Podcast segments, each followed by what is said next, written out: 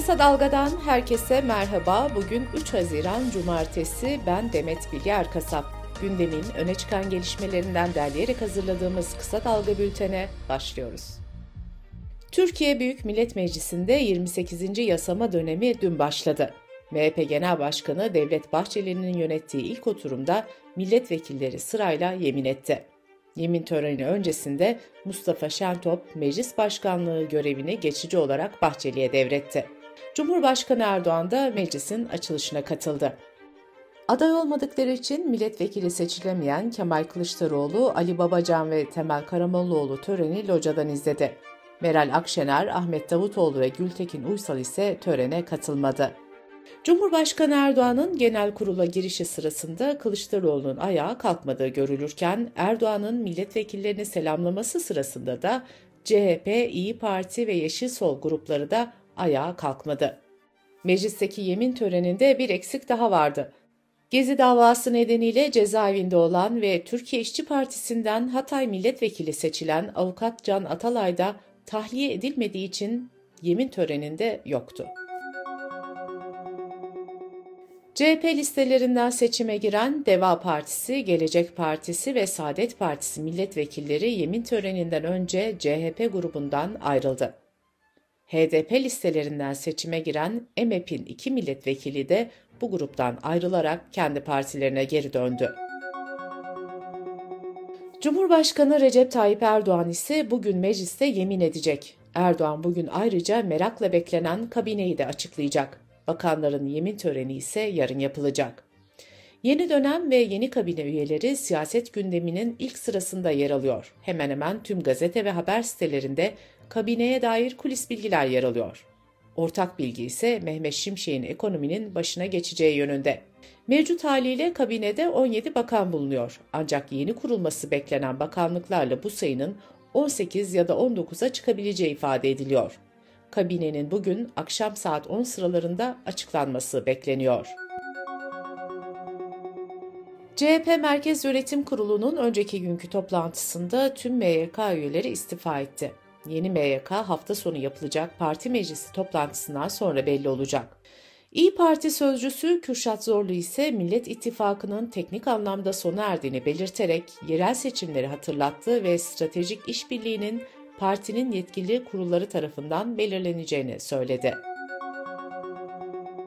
Yeşil Sol Parti'nin Meclis Başkan Vekili Sırrı Süreyya Önder olurken Grup Başkan Vekilleri Saruhan Oluç ve Meral Danış Beştaş'ın görevlerine devam etmesine karar verildi. Geçen yıl başlayan Schengen vizesi krizi tırmanarak devam ediyor. Schengen vizesi almak için yapılan başvurulara red sayısı her geçen gün artıyor.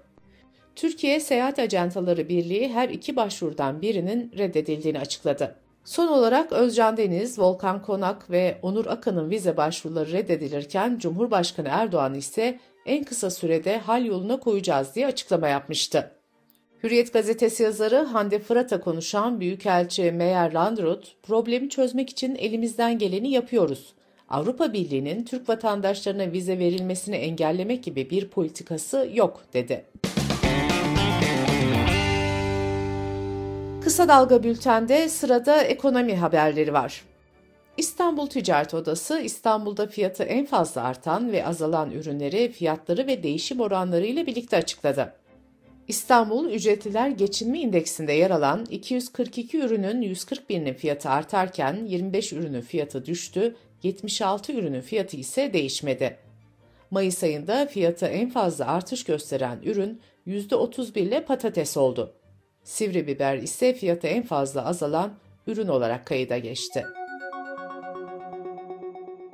2023 yılı Mayıs ayında ihracat %14.4 artışla 21.7 milyar dolar olarak gerçekleşti. Ticaret Bakanı Mehmet Muş, bu tüm zamanların en yüksek Mayıs ayı ihracat değeridir, dedi.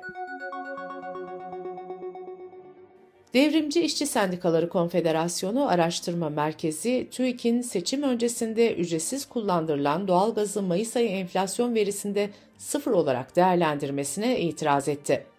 Yapılan açıklamada bu durumun zam oranlarını etkileyeceği belirtilerek TÜİK çalışanların ekmeğiyle oynamaktan vazgeçmelidir denildi.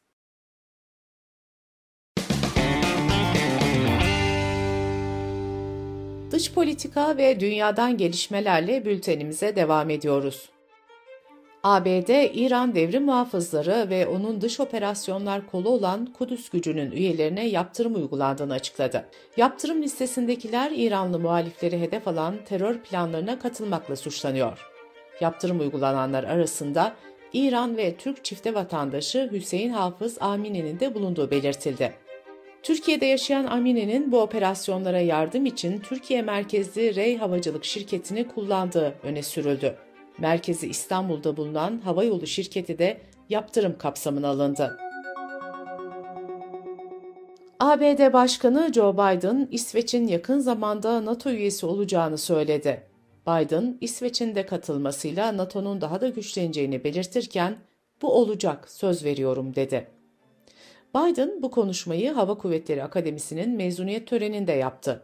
900'den fazla diplomanın verildiği törende ayakta duran 80 yaşındaki Biden mezunlarla tokalaştı ve yeni mezunlara selam verdi.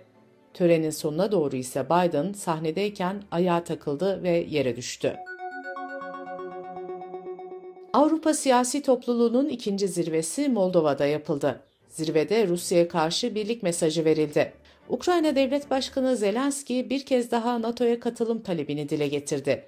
Zelenski ayrıca Rusya'nın saldırılarına karşı koyabilmek için Patriot hava savunma sistemi ve savaş uçakları gönderilmesi talebini de tekrarladı. Hollanda Başbakanı Mark Rutte ise savaş nedeniyle Ukrayna'nın NATO'ya tam üyeliğinin şu aşamada mümkün olmadığını tekrarladı. ABD ve Suudi Arabistan, Sudan ordusu ve hızlı destek kuvvetleri arasındaki çatışmaların durdurulması için Cidde'de yapılan ateşkes görüşmelerinin askıya alındığını duyurdu. Yapılan açıklamada ateşkes kurallarının ihlal edildiği belirtilerek çatışmaların başladığı 15 Nisan'dan bu yana insani yardım için kullanılan 115 aracın çalındığı, 57 depo ve 55 ofisinde yağmalandığı belirtildi. Açıklamada iki tarafın eylemleri halkın acılarını arttırdı ve ulusal birliği, bölgesel istikrarı tehlikeye attı ifadesi kullanıldı.